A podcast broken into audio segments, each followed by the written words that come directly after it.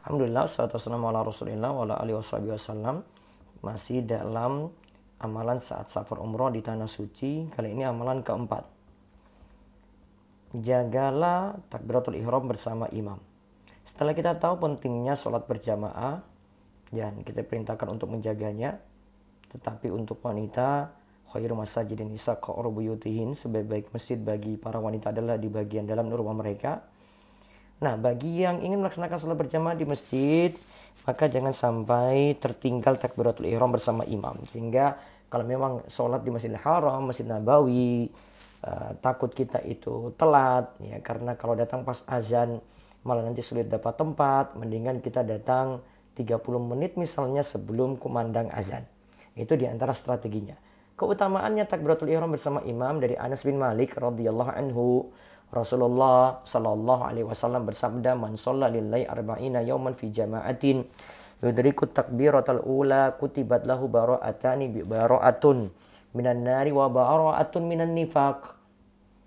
Siapa yang melaksanakan sholat karena Allah selama 40 hari secara berjamaah ia tidak luput dari takbiratul ihram bersama imam maka ia akan dicatat terbebas dari dua hal yaitu terbebas dari siksa neraka dan yang kedua terbebas dari dari kemunafikan.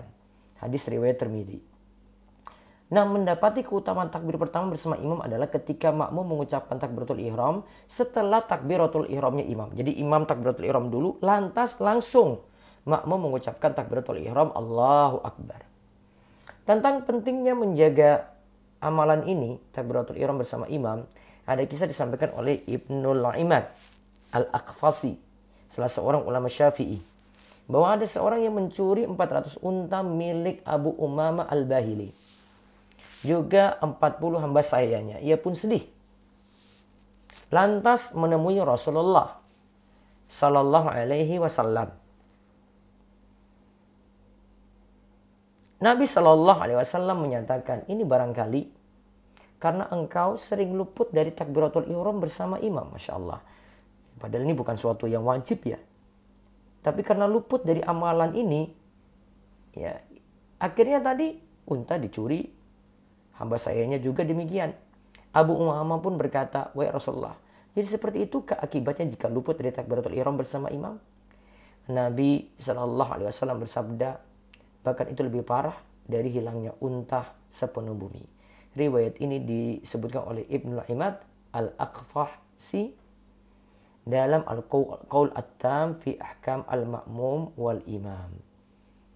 Semoga Allah beri taufik pada kita untuk terus menjaga sholat berjamaah. Hanya Allah yang beri taufik.